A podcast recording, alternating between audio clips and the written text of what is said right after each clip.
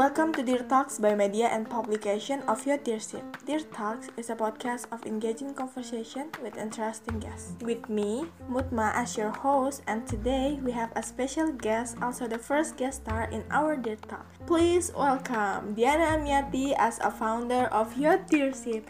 Hi Diana! Halo Mutma. And Anggun Prima Saleha as co-founder of Your Dearship. Hi Anggun! Halo Mutma, thank you for having us. You're welcome.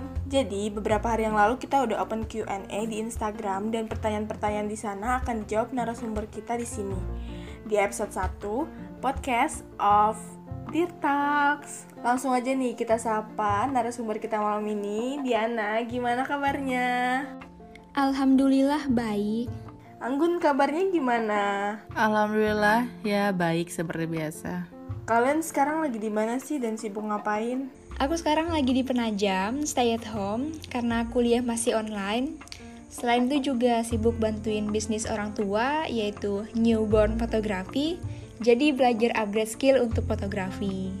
Fotografi, wah keren banget ya walaupun online gini, walaupun lagi pandemi gini tetap nge-upgrade skill-skillnya nih. Iya, mengisi waktu luang juga kan selagi pandemi. Anggun lagi di mana nih sekarang? Lagi sibuk ngapain? Kalau aku kebetulan ini udah di Jogja karena ada beberapa urusan serta tanggung jawab tanggung jawaban uh, organisasi dan kebetulan sekarang lagi sibuk KKN dan ini udah memasuki minggu terakhir. Wah, pasti hektik banget tuh KKN online gini. Iya, pastinya dong, karena ini KKN-nya semi online dan offline. Oke, lagi di mana pun kalian berada dan sibuk ngapain, semoga bisa selalu stay safe ya guys. Sehat-sehat selalu kalian. Amin. Amin. Pepatah bilang, kalau tak kenal maka tak sayang. Jadi, perkenalan dulu dong, kalian tuh siapa? Background kalian tuh gimana? Mungkin dari Diana, Hello dearest, my name is Nurdiana Amiati and everyone call me Diana. I'm study in Mula Warman University, Faculty of Pharmacy, and now I'm going to sixth semester.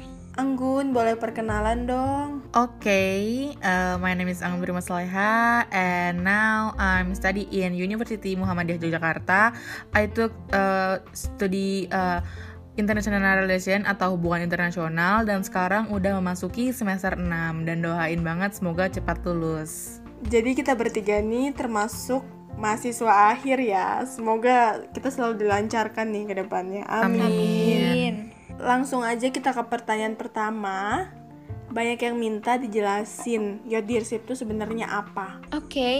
in general, secara umum, Yodirship merupakan sebuah komunitas yang pastinya diperuntukkan untuk generasi muda sebagai wadah atau platform untuk mengembangkan potensi diri dan kita di EDS ini bersama-sama berkontribusi mewujudkan perubahan positif pada Kalimantan Timur, especially for Penajam Pasar Utara. Berkontribusi itu maksudnya dalam hal apa? Jadi, berkontribusi maksudnya adalah kita fokus untuk mewujudkan perubahan yang terbaik dari kalangan pemuda untuk daerah kita, yang mana kita sebagai agent of change dan kita punya visi dan misi yang akan kita lakukan. Wah, niatnya baik banget ya. Ada yang nanya ini, asal mula gimana bisa terbentuk dan tanggal terbentuknya tuh kapan sih Your Dearship ini? Oke, mungkin aku bisa menjawab pertanyaan ini. Jadi gini, awal mula banget itu di bulan September tahun 2020 kemarin lewat DM di Twitter, aku bilang ke Diana, pengen banget nggak sih Din buat platform yang kayak di luar sana yang bisa membawa perubahan sama bisa memberikan hal-hal yang bermanfaat, feedback yang baik. Lalu kita tuh pengennya platform ini tuh berdiri atas nama penajam karena dari pandangan kita tuh di tempat kita ini antusiasnya tuh masih kurang ya. So why not untuk build this platform. And we go tepat di awal tahun 2021 kemarin yaitu tanggal 1 Januari kita launching video perkenalan dari YDS dan itu juga sebagai tanggal kita launching platform Yacht Dearship. Berarti di awal tahun di tanggal yang baru kalian buat gebrakan baru nih untuk membangun komunitas ini. Semoga bisa terus berjalan lancar ya. Amin. Sebenarnya ini bukan hal yang baru sih, tapi adanya kita yang memang berpikir kalau bukan kita siapa lagi gitu. Selain itu juga di Penajam memang masih belum banyak organisasi ataupun komunitas yang aktif dalam menyebarkan informasi atau apa pun itu, namun dituangkan ke dalam platform sosial media. I see, I see. Pertanyaan selanjutnya nih, Yodirship ini organisasi, komunitas, atau apa ya? Kalau untuk definisi dari Yodirship itu sendiri, absolutely kita sebuah komunitas karena kita berada di dalam suatu lingkup wilayah, yaitu Penajam Pasar Utara. Namun kita juga tetap mengambil unsur struktural organisasi sehingga kita adalah komunitas semi organisasi. Karena kita terorganisir dan memiliki tujuan bersama. Namun, kita juga di sini nggak semata-mata formal banget.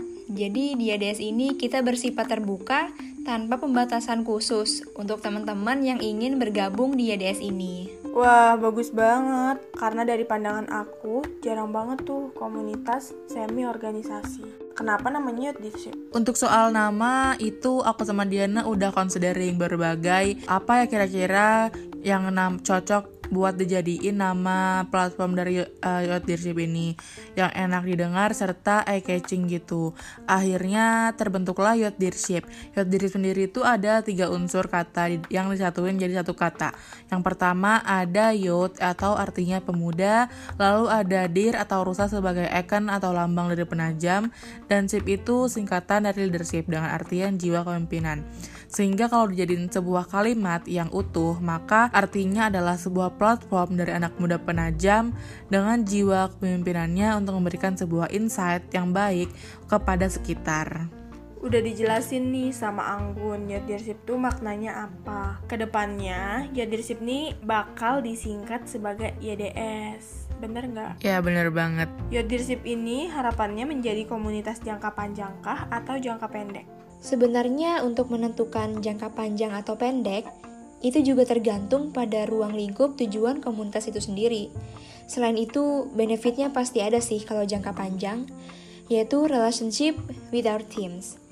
Dan di ADS ini, kita fokus ke satu wilayah, yaitu penajam. Untuk dapat melibatkan anak muda dari waktu ke waktu, otomatis kita adalah komunitas jangka panjang.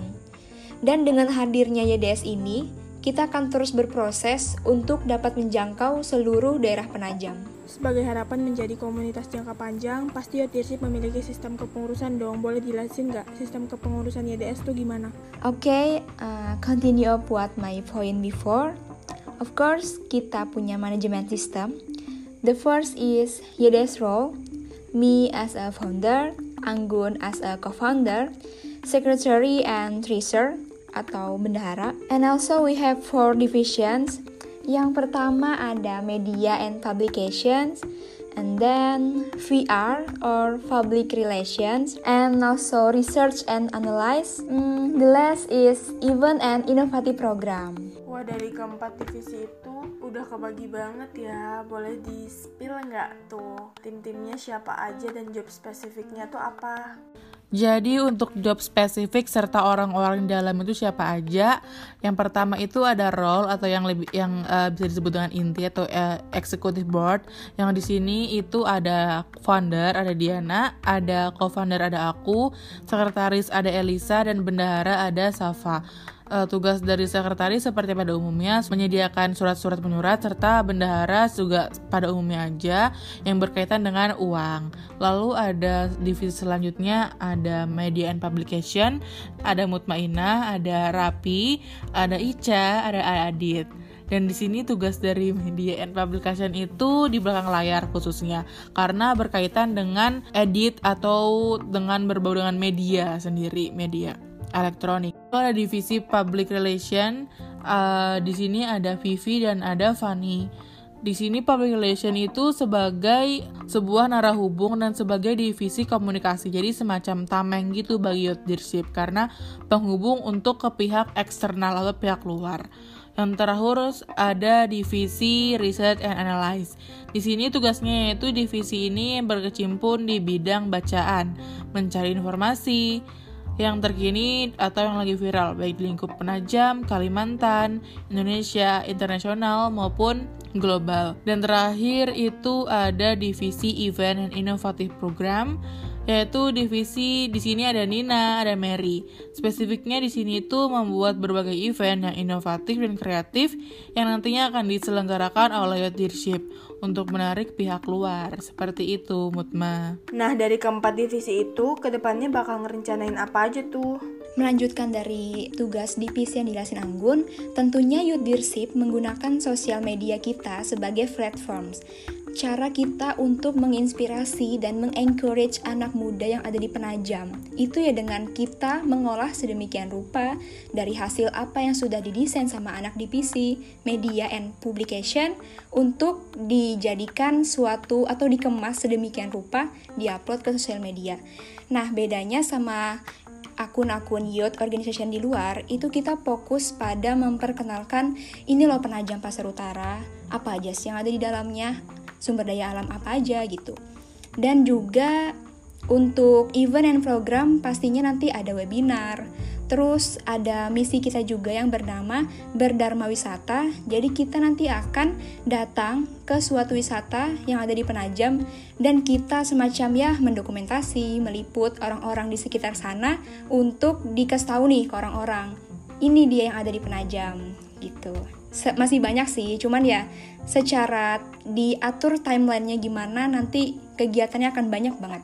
Dari banyaknya divisi itu yang udah terjadi nih hambatannya tuh apa sih secara umumnya? Boleh di-share nggak? Aku pengen dengar dari Anggun deh gimana dulu. Jadi untuk hambatan bagi komunitas baru banget nih kayak kita kayak youth leadership ini pasti ada dong apalagi kita ini benar-benar dari nol. Yang pertama itu launching. Karena launching ini karena aku perkirain sama Diana ini bakal terjadi di, di tahun 2020 tam, namun ternyata agak molor ya guys di tahun 2021 karena aku sama Diana juga punya kesibukan sendiri dan juga kita ini lagi di masa-masanya kuliah di penghujung tahun semester. Terus jadi akhirnya diundur ke tahun 2021 Lalu ada masalah atau hambatan lagi di sumber daya manusianya karena menurut kita masih agak kurang apalagi di bidang media and publication karena agak susah ya untuk menemukan orang-orang yang expert di bidang um, desain dan juga mau untuk berkontribusi di youth leadership. Terus di selang-selang waktu youthship itu juga ada sedikit miscommunication antara anggota sehingga adanya perombakan lagi untuk anggota-anggotanya seperti itu. Mungkin Diana mau nambahin? Sebenarnya udah mewakili banget sih perkataannya Anggun. Jadi ya namanya juga sebuah organisasi ataupun komunitas itu tidak akan luput dari adanya hambatan-hambatan. Nah, dari penjelasan Anggun tadi mungkin aku lebih fokus ke mental. Jadi kita di sini adalah mengasah gimana cara kita membuat mental kita itu semakin kuat. Untuk adanya tim yang memang kita masih kurang, terus juga beberapa teman yang butuh untuk dibimbing dari awal gimana caranya dia untuk ngehandle ataupun menjalani tugas-tugas broker. Jadi dari situ pentingnya kita sebagai founder dan juga teman-teman semua untuk meniatkan juga fokus pada tanggung jawab tugasnya masing-masing gitu. Jadi ya titik poinnya di situ sih, niat dan juga tanggung jawab. Dari kurangnya SDM tadi, kalian ada rencana oprek nggak? Ini nih pertanyaan yang ini banyak juga yang nanya oprek atau enggak. Kalau untuk open recruitment, as soon as possible kita akan mengadakan karena selain adanya kekurang adanya hambatan kurang SDM di Penajam, kita juga ingin memperluas sayap lah ibaratnya memperluas sayap leadership ini di Penajam untuk memperdayakan anak muda di sini. Jadi kita akan mengadakan open recruitment insya Allah dalam jangka waktu dekat ini. Tuh guys, udah ada di spill tuh bakalan ada oprek. Jadi yang mau daftar siap-siap aja ya. Tapi boleh dikasih tahu nggak kira-kira bulan apa tuh? Apa Maret? Apa Februari ini? Secret. Kapan ya? Tungguin aja, tungguin banget karena bakal diupdate di IG kita. So follow at Leadership.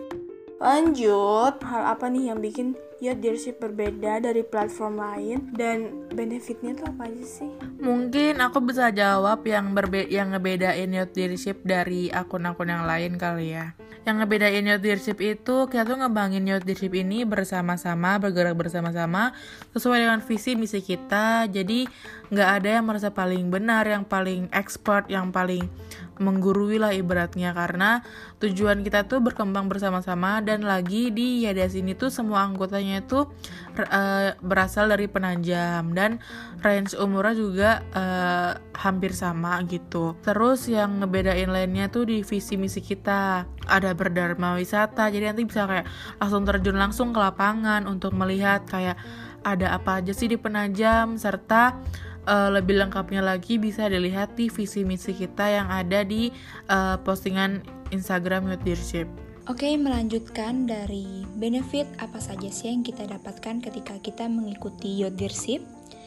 Seperti yang kita ketahui, pastinya ketika kita mengikuti suatu komunitas, yaitu adanya relasi ataupun channel yang kita dapat dari teman-teman maupun juga orang-orang ternama di sekitar daerah kita gitu. Karena kita di sini juga tidak hanya berkaitan dengan teman-teman satu tim YDS tapi juga kita berinteraksi dengan orang-orang ternamanya di Penajam atau instansi-instansi besar. Selain itu juga pastinya untuk meningkatkan soft skill kita. Dalam berorganisasi, kita diuji atau kita mengasah mental kita, cara kita berkomunikasi, cara kita bekerja sama dengan tim, dan juga pastinya tanggung jawab. Selain itu, Sebenarnya kalau untuk hal-hal soft skill dan juga menambah relasi kan hal yang memang mutlak ya. Tapi kalau untuk benefit yang lainnya pastinya adalah kita di sini berkontribusi untuk penajam. Kita terjun langsung, kita jalan-jalan, kita berwisata, dan juga nanti insya Allah ketika uh, organisasinya udah bukan non-profit organization lagi, rencana kita akan melegalkan leadership, jadi akan adanya legalitas dari bupati kita, sehingga adanya e-sertifikat dan pastinya pengalaman baru. Wah benefitnya juga lumayan banget ya kalau join di YDS nih Tadi udah ada info nih mau oprek dan benefitnya juga udah kalian denger Jadi siap-siap aja kalian daftar kalau nanti udah oprek Oke, kita sampai di closing question. Dari kalian berdua, harapannya Youth Leadership membuat perubahan apa sih untuk penajam? Harapan yang paling utama tentunya aku berharap visi yang kamu miliki dan misi yang akan kita jalankan di YDS akan meningkatkan kesadaran kita semua untuk dapat berkontribusi dan menjadi bagian dari perubahan penajam pasar utara. Ya, karena kita kan cuma bisa berharap dari youth leadership ini. Um, uh, nanti balik lagi dijalaninnya seperti apa, tapi kita berharapnya yang pasti yang baik-baik dong. Wah, harapannya tinggi dan baik-baik banget. Semoga kita bisa bersama-sama merealisasikan ini semua ya. Amin. Amin. Kalimat penutup kalian nih dan pesan untuk Dires yang lagi dengerin. Oke, okay, kalau dari aku still for positive change satu, karena aku percaya bahwa semua anak muda, aku, kamu, kita semua, bisa membawa perubahan dari masing-masing lingkungan yang berbeda-beda. Karena pemuda di luar sana bisa, mengapa pemuda-pemudi yang ada di Penajam tidak bisa kalau memang mau berjuang? Anggun, gimana Anggun? Kalimat terakhir buat pecinta yacht leadership di luar sana atau di resmi. Kita bisa karena terbiasa. Jadi apa salahnya untuk mencoba? Karena satu tujuan kita, yacht leadership. It's, time dear to, to shine. Yay, thank you banget guys udah mau singgah-singgah di Dear Talks episode 1 ini. Makasih banget. Thank you so much Mutma. Iya, makasih juga buat Media and Publication sudah jadiin kita sebagai narasumber pertama. Alright, Piras. I'll see you on the next episode. Bye bye. See you guys.